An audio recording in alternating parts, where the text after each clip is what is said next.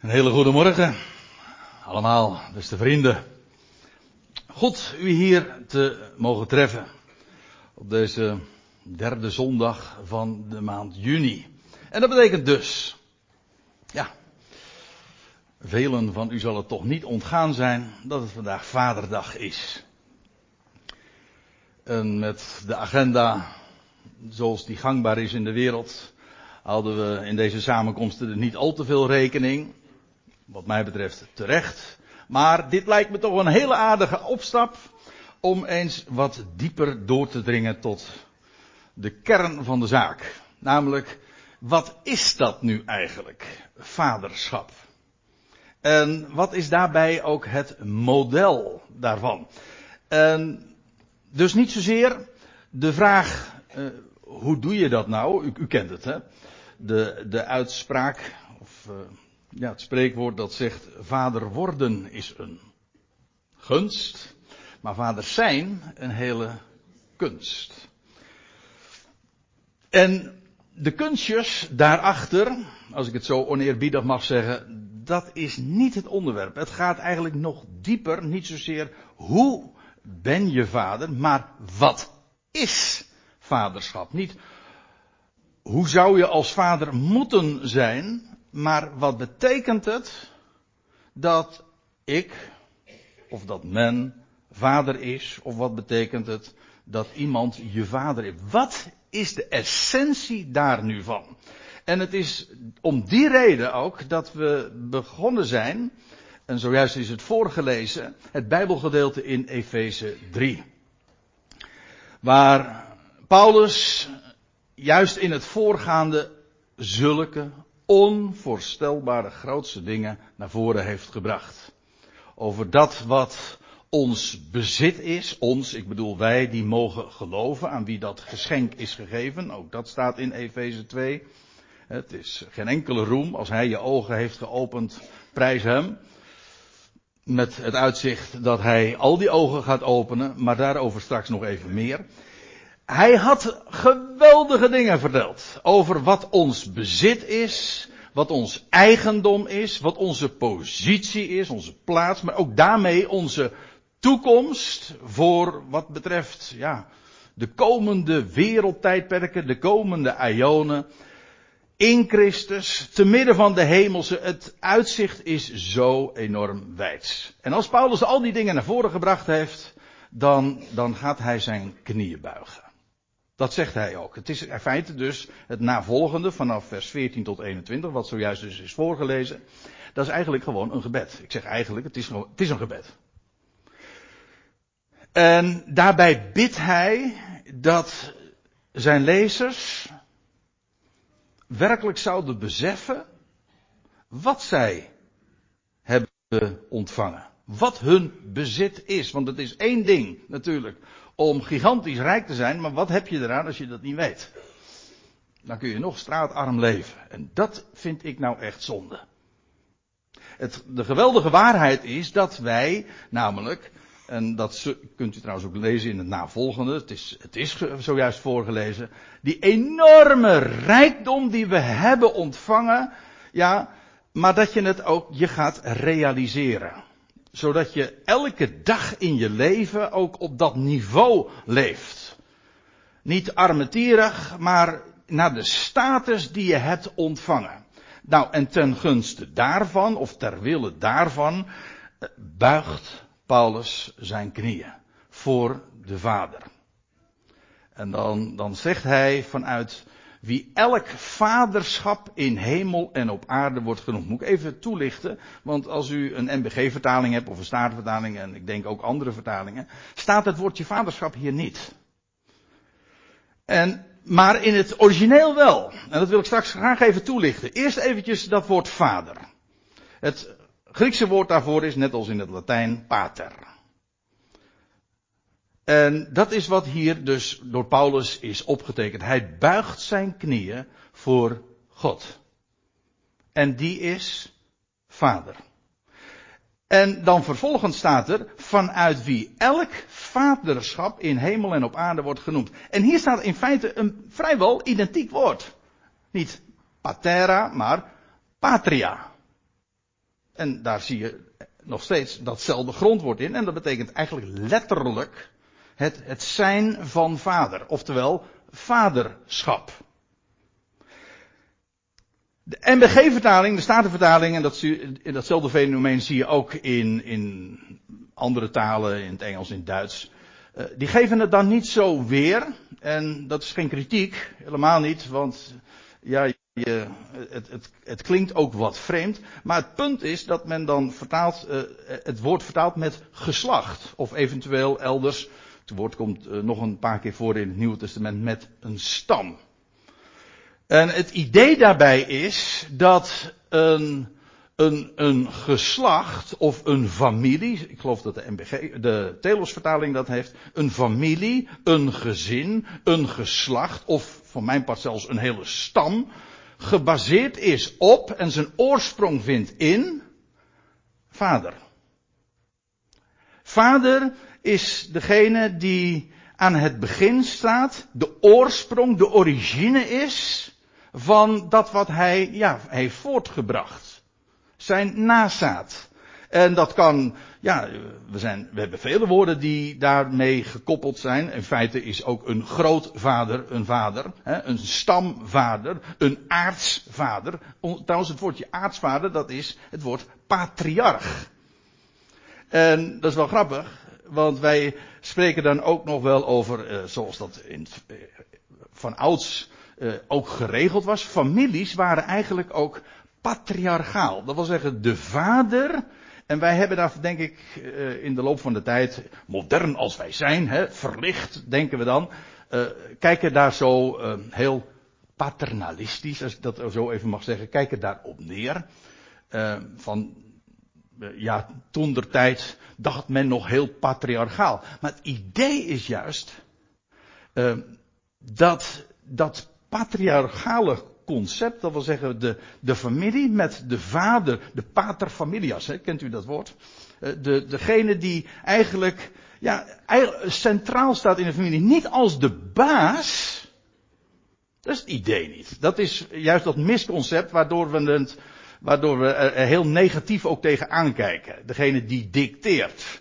Nee, het is de oorsprong en daarmee feitelijk ook de basis, het fundament. Degene ook die verantwoordelijk is voor dat gezin, voor die familie, voor mijn part zelfs de hele stam.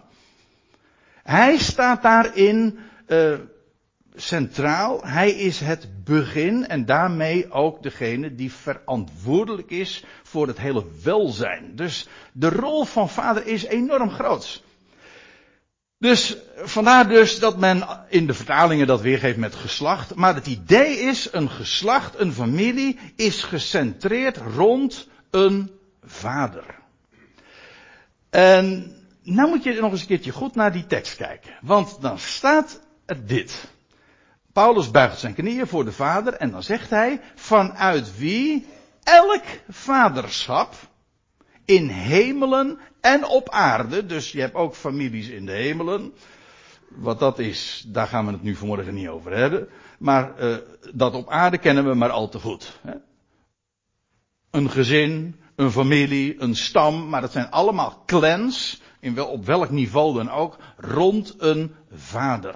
Nou, dat nou staat hier vanuit wie elk vaderschap in hemelen, boven, op aarde, beneden, wordt genoemd. Kijk nou eens goed naar die tekst. Het is dus niet, ik heb dat vroeger altijd gedacht, totdat ik gecorrigeerd werd, gewoon door de schrift zelf. Namelijk dat wij God als vader aanspreken. Ja, waarom? Dat is dan een metafoor, een beeld. Waarom? Omdat we ja, hier op aarde vaders kennen. En en omdat we dat fenomeen van vaderschap hier op aarde kennen, noemen we God, bij wijze van spreken, vader. Zo dacht, zo dacht ik altijd. En ik, en ik kan me zo voorstellen dat velen van u daar ook zo over denken. Maar Paulus zegt, het is precies omgekeerd. Dat vaderschap, of dat nou hemels of aards van, aarde, eh, van aard is, het is vernoemd of genoemd naar God de Vader. Het is dus niet God de Vader die wordt vernoemd naar het vaderschap dat we hier hebben. Nee, het origineel, het model, het prototype van vaderschap, dat is God. Hij is de eerste. Hij is de Vader. En het vaderschap dat we hier op aarde kennen, dat is daar in het beste geval een kopie van.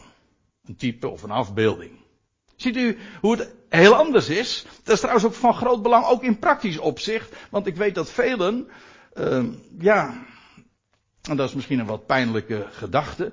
Maar ik kan me goed voorstellen dat dat bij heel wat mensen zo ook leeft. Die moeite hebben met het concept, de hele gedachte of het aanroepen van God als vader vanwege hun eigen slechte ervaringen met hun vader. Ja, je zal maar mishandeld of misbruikt zijn of eh, in ander opzicht een afwezige vader eh, altijd hebben gehad.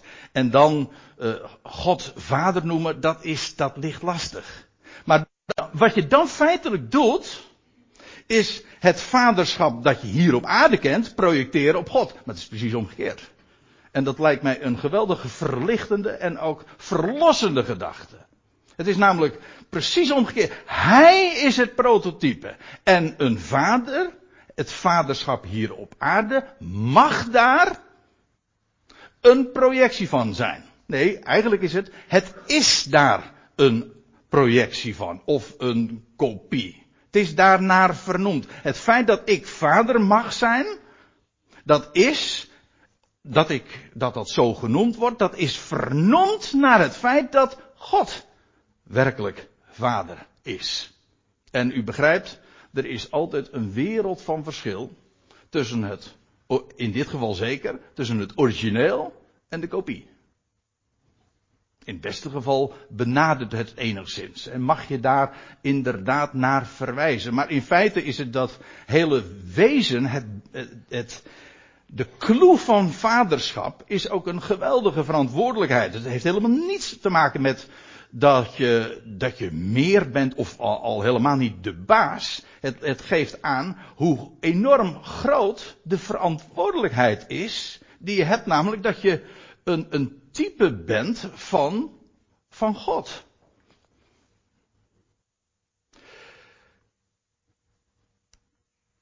Laat ik nog eens wat, wat dieper daarop ingaan. Op dat vaderschap van God. Want dat kun je op allerlei manieren ook eh, beschouwen. God als vader. Ja, in de eerste plaats denk je dan toch aan het feit dat hij degene is. Ja, die de oorsprong is, de bron van heel zijn schepping. Dat is een hele bijbelse gedachte. Ik heb destijds uh, wel kritiek gehoord op uh, de gedachte dat op dat lied dat we nou ja, ik vroeger wel eens zong, kinderen van een vader zijn wij allemaal. En toen de kritiek was daarop dat dat niet juist zou zijn, want God is slechts een vader van de gelovigen. Ik kom daar straks nog even op terug, want de gedachte is niet helemaal onterecht, maar ook niet juist. Dat kan. Er zitten verschillende kanten aan. En daarom wil ik daar eh, eventjes op, op doorgaan. Want in de eerste plaats, en dat is van oudsher het hele idee in de schrift, dat God een vader is van heel zijn schep, schepping als geheel, maar daarmee ook van elk schepsel, elk creatuur afzonderlijk. Ik zal u een voorbeeld geven, want u wilt natuurlijk wel de bonnetjes. Malachi 2, daar lees je zoiets. Daar zegt, dat zijn twee retorische vragen, dat wil zeggen, in, het, in de vraag zelf ligt het antwoord al besloten. Daar zegt Malachi dit, hebben wij niet allen één vader? En wat bedoelt hij dan? En dan herhaalt hij feitelijk de vraag, maar dan op een andere manier geformuleerd. Maar dat, het feit dat dat dan parallel loopt, dan zie je ook meteen wat hij daarmee bedoelt. Heeft niet één God ons geschapen? De vader is degene die creëert, procreëert, degene die voortbrengt. Wel, waar is deze schepping uit voortgekomen? Ja, u zegt, God is de schepper. Ja, maar dat betekent dat hij daarmee dus ook de vader is. Heel de schepping komt uit hem voort. Dat maakt hem God.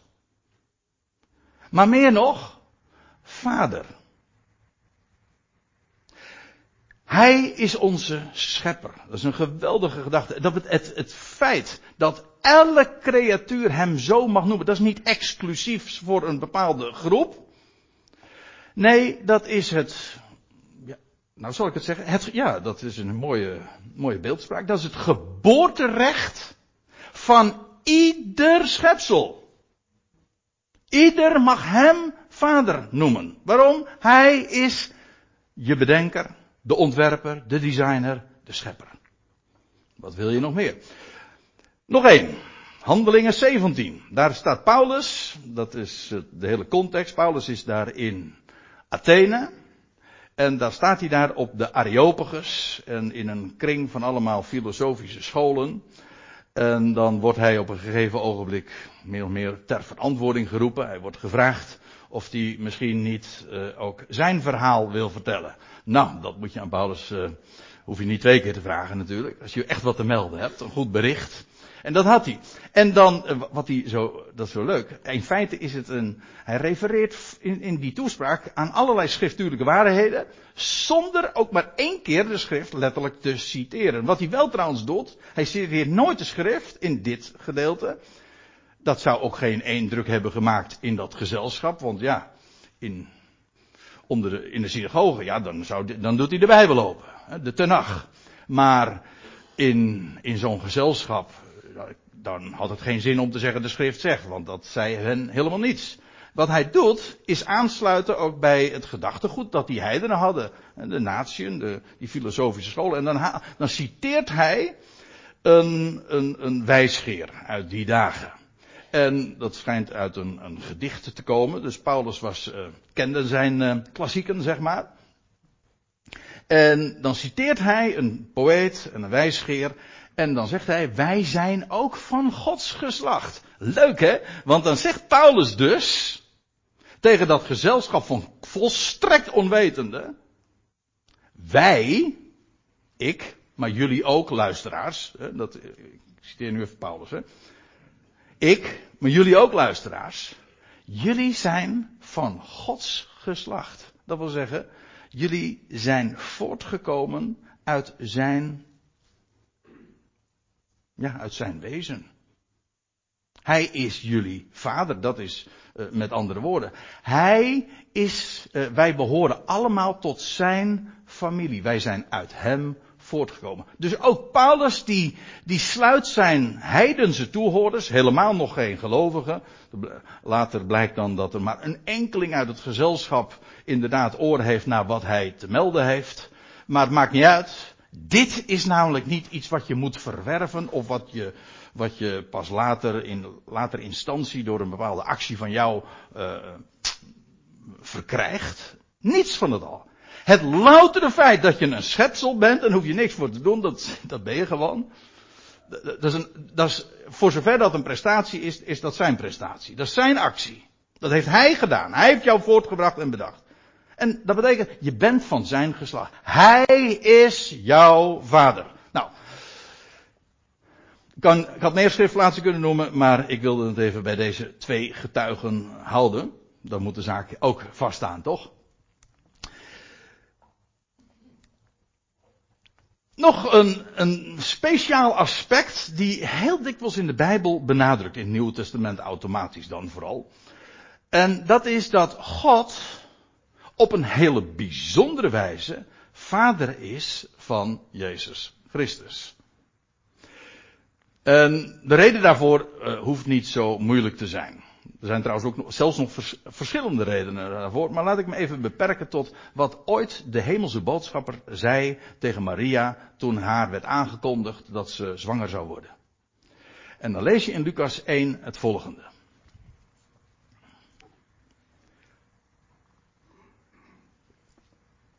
En de boodschapper, de engel dus, die antwoordde op de vraag van Maria en zei tot haar, Heilige Geest, is niet zomaar menselijke geest, nee, geest van God. Heilige Geest zal op jou komen. Oftewel, kracht van de Allerhoogste zal jou overschaduwen.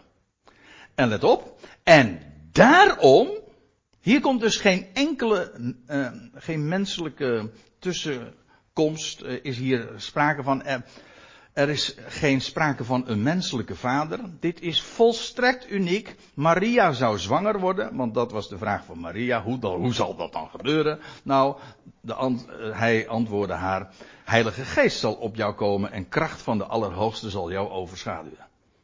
Ik bedoel, dat is volstrekt uniek. Geen mens uh, kan dat uh, nazeggen. Uh, namelijk dat, dat je voortgekomen bent. Nou, Jezus had een moeder, een menselijke moeder, geen menselijke vader. En daarom, dat is wat die boodschapper dan tegen haar zegt, daarom zal het heilige, dat verwekt wordt, zoon van God worden genoemd. Maar dat is uniek. Dat maakt ook inderdaad, en dat verklaart ook uh, daarmee meteen, wat je in, met name in de Johannesbrieven nog wel eens vindt, dat Jezus genoemd wordt de enig geboren zoon van God. Eigenlijk de, en daarmee dus de unieke zoon van God. Dus dat is weer vaderschap op een, ja, op een heel exclusieve wijze. Niemand is op die wijze zoon of kind van God. Hij is namelijk door God zelf verwekt.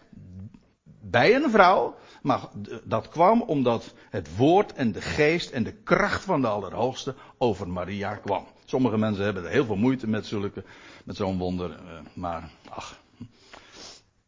Ja, ik denk altijd, uh, waar, waar, waarom zou dat zo moeilijk zijn?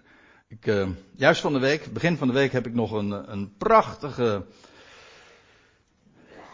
uh, hoe noemen ze dat? Een timelapse gezien van een uh, weer. Want ik, kijk zoiets heel graag over, over, over de zwangerschap. Hoe dat zo in, nou ja, in negen maanden zich voltrekt. En hoe, als je dat dan in een video ziet afgebeeld. Want ze kunnen dat allemaal prachtig natuurlijk uh, tegenwoordig vastleggen op de, op de beeldplaat.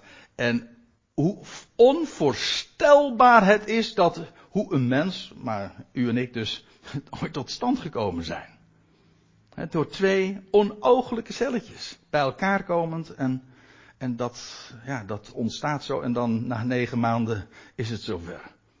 Dat is een volstrekt godswonder. Het en, en als mensen dan zeggen, maar hoe kan, hoe kan God dan dat op deze manier doen? Oké, dit is uniek.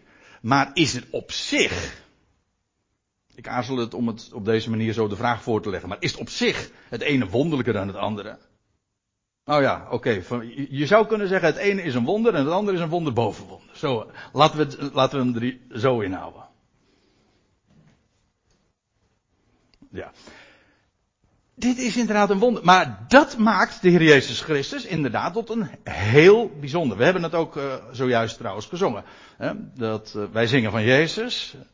En dan de Zoon van God is Hij. Ja de zoon van God, namelijk de unieke, de enige geboren zoon van God. Je leest trouwens later, ik kan het niet nalaten om dat ook nog even bij te vertellen, dat wordt dan al geprofiteerd in, in de psalm, in psalm 2, dat God tegen hem zegt, Jawel zegt tegen, tegen hem, mijn zoon ben jij, ik heb jou heden verwekt. En dan blijkt het, ik ga het nu niet bewijzen, maar dan blijkt dat dat gaat over de opstanding, dat toen heeft God hem opnieuw verwekt, namelijk uit de doden. Ja, dat maakt uh, zijn zoonschap nog unieker. Dus ook daar zitten nog weer verschillende kanten aan. U ziet wel dat als je het hebt over het feit dat God vader is, daar zitten allerlei, het is een diamant. Het heeft allerlei kanten en een paar van die zijden, van die facetten wil ik vanmorgen uh, belichten. Juist ook om daar wat, ja, bijbels licht op te werpen. Ja, waarom doe je anders de schriften open, nietwaar? En dan, nog één. God als vader van het nieuwe leven, namelijk van de gelovigen nu. En hier kom je even, uh, komen we alsnog uit bij dat kritiekpunt. Namelijk op dat lied van kinderen van een vader zijn wij allemaal. En dan de tegenwerping, ja maar zegt de schrift ook niet dat hij juist de vader is van de gelovigen. In sommige kringen is het erg bekend dat wat je leest in Johannes 1, alle die hem aangenomen hebben of alle die hem ontvangen hebben, heeft hij recht gegeven om kinderen Gods te worden.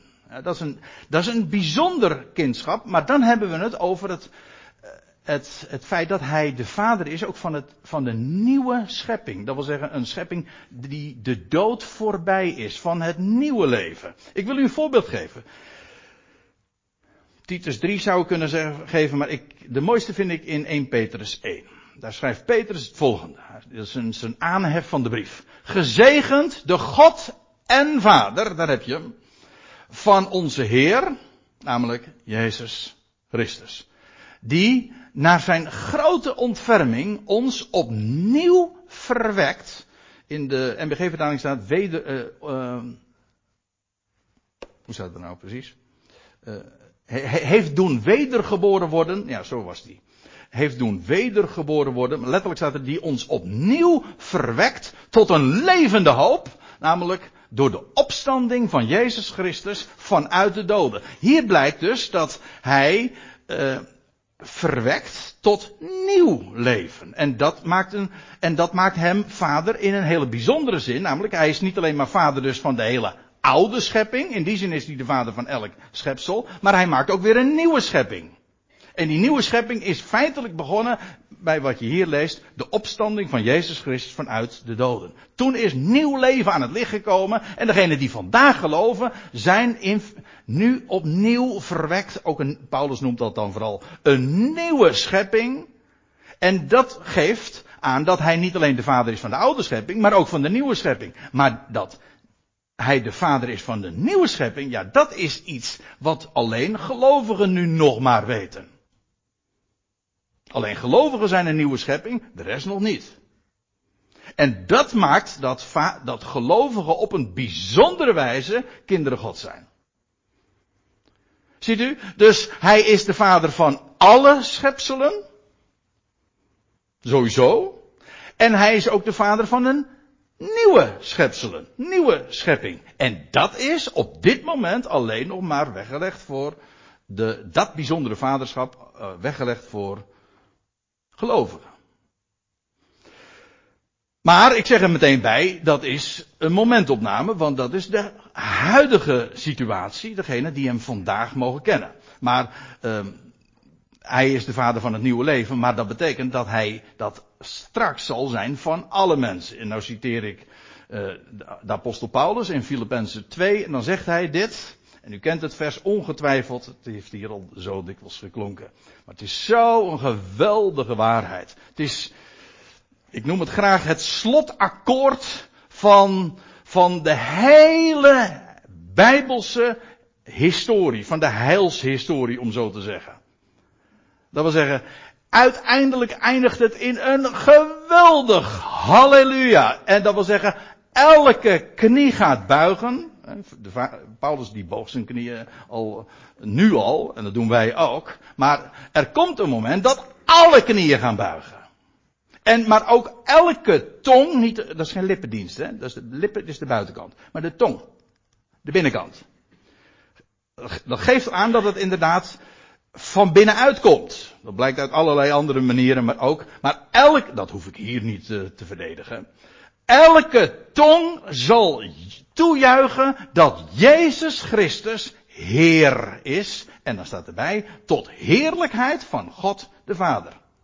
Van heer, tot heerlijkheid van God, let op, de Vader. En dan is het moment aangekomen dat al die tongen, of al die knieën, en al die schepselen die dat, die hun knieën buigen en die dit beleiden en juichen, dat zij inmiddels ook dat nieuwe leven hebben ontvangen. En dan is die een vader ook inderdaad van heel de nieuwe schepping. Dan is er namelijk geen eens een oude schepping meer. Dus hoe dan ook, Gods vaderschap is universeel. Ik neem u nog mee naar een andere schriftplaats. Efezes 4, vers 6. Paulus bezinkt daar in die verse de, de geweldige eenheid die God tot stand heeft gebracht. En wat de kenmerken ook zijn van die eenheid die wij vandaag mogen vormen. Eén lichaam, één geest, één Heer. En dan zegt hij er ook bij, en zo sluit hij dan ook af. Hij noemt zeven kenmerken van die eenheid. En dan sluit hij af, dit is het zevende, en feitelijk ook het Niet alleen een eindpunt, maar ook het hoogtepunt. Hij zegt, en één God. En Vader van allen. Eén God. Dat is, dat is de echo die overal in de schrift weer klinkt. Eén God. Dat is de beleidenis, de meest fundamentele van allen. Zei de heer Jezus ooit al. Toen een schriftgeleerde bij hem kwam. Wat is, uh, wat, is het eerste gebod van allen? En als een goed orthodoxe Jood zei de Heer Jezus, als ik het zo mag zeggen. Ja, heb je niet gelezen? Hoor Israël, de Heere is onze God, de Heere is één. Er is maar één God.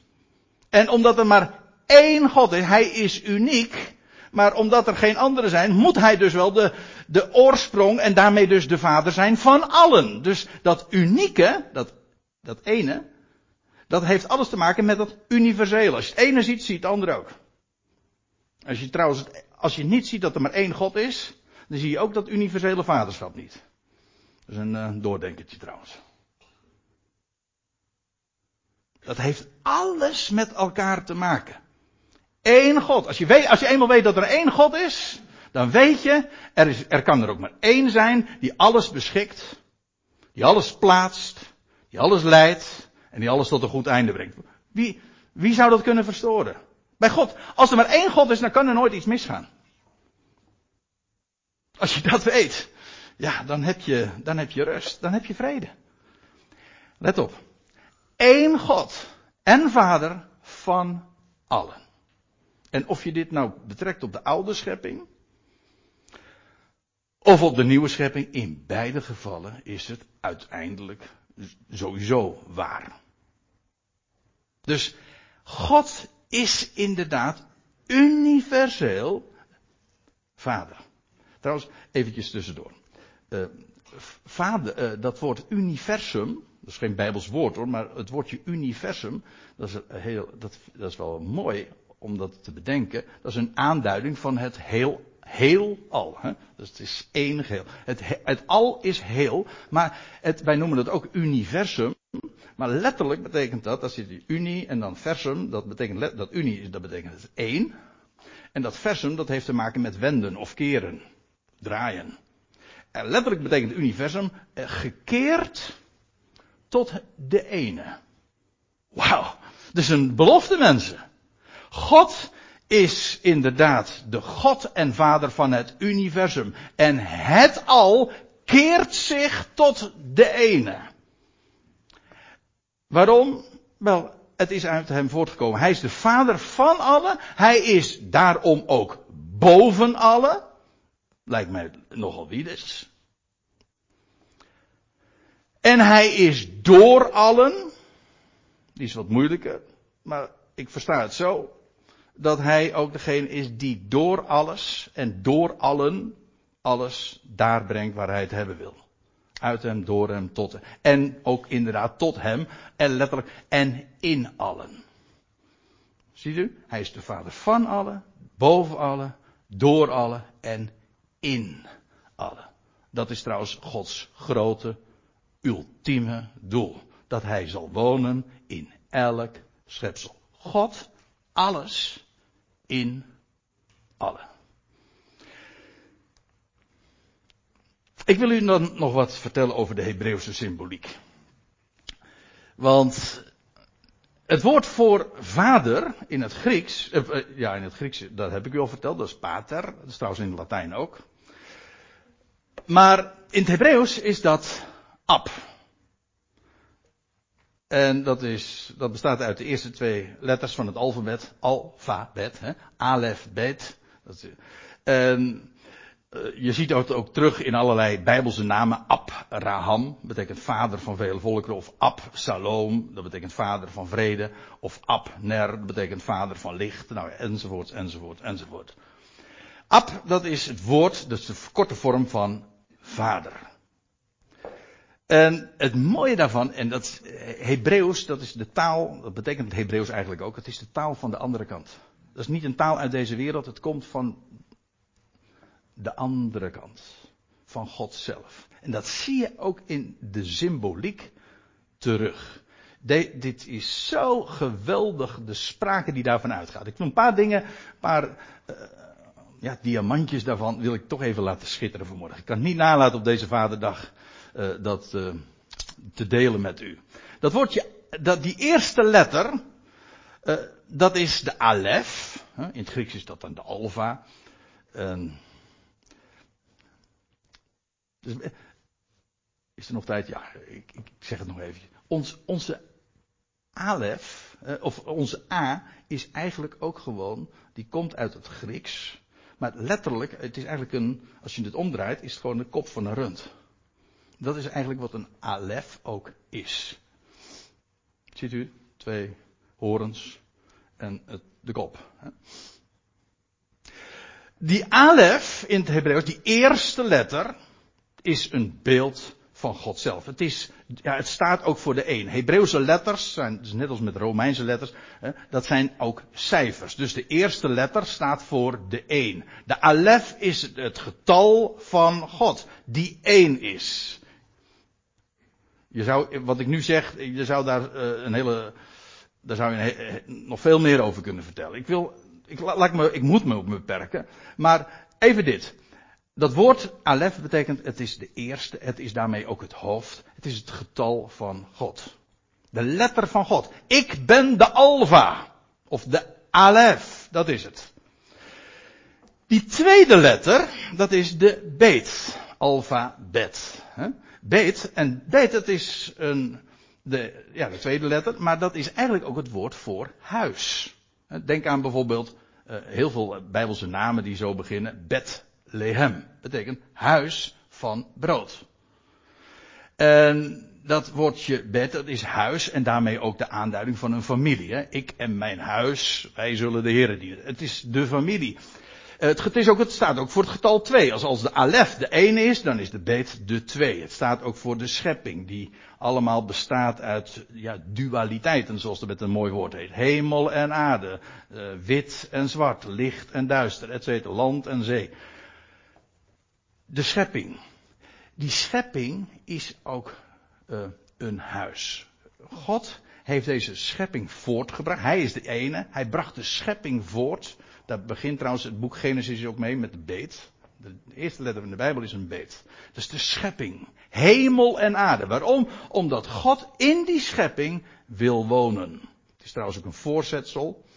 Even voor de fijnproevers. Het is ook een voorzetsel en dat betekent het in. Dat is precies waar je in woont. Denk daar eens aan. Het woord, uh, het woord ab, dat verwijst naar God die in zijn huis woont. En die daar centraal staat. En die ook gaat over zijn huis. Die niet alleen maar de oorsprong daarvan is, maar ook verantwoordelijk is voor het hele wel, voor het welzijn van het huis. Dat is wat vaderschap is. Dat is toch geweldig als je daaraan denkt. Dat we niet, uh, dat we niet op, uh, op God gaan projecteren wat wij doen. Dat is allemaal zo zielig. Het is, het is omgekeerd. Dat is zo geweldig. Hij is de vader. Perfect. En wij mogen weten dat ons vaderschap daarvan is afgeleid. Daarnaar is genoemd. Nu wil ik je nog wat vertellen. Want dat woordje Abba, vader, dat is de volle vorm van het woord vader. Dat is ook feitelijk het verhaal van de schepping. Het begint en het eindigt bij God. Hij is de Alef. Daar begon het mee. Moet je van links naar rechts eh, in het Hebreeuws lezen. Dus uh, het begint bij de Alef. Dan krijg je die, hij die zijn schepping ontwerpt en bouwt en daarin woont. En uiteindelijk woont hij ook daadwerkelijk in zijn schepping. Hij was voor de schepping alles in zichzelf. En aan het eind van het verhaal, aan het eind van de ionen van de hele historie, is die alles in allen. Dus dan heeft hij de hele familie, dat wat hij voortgebracht heeft, in oude en in de nieuwe schepping, opdat hij in alles de eerste zou zijn, heeft hij tot een goed einde gebracht. Dat is Abba. God die wij zo mogen noemen, die is, staat garant voor de goede afloop van heel de schepping. Weet je, en dat is het allerlaatste wat ik erover wil vertellen. Dit is dat woord God. Ab. Maar er zit nog een letter tussen. En dat is feitelijk het kloppende hart. Staat centraal. Als je een venster opent, om zo te zeggen, dan zie je dat dit in het middelpunt staat van de Vader. En, dat, en hier staat in het Hebreeuws, voor degenen die niet zo uh, elke dag Hebreeuws lezen. Hm? Hier staat het Hebreeuwse woord ahav. En ahav, dat is het woord voor liefde.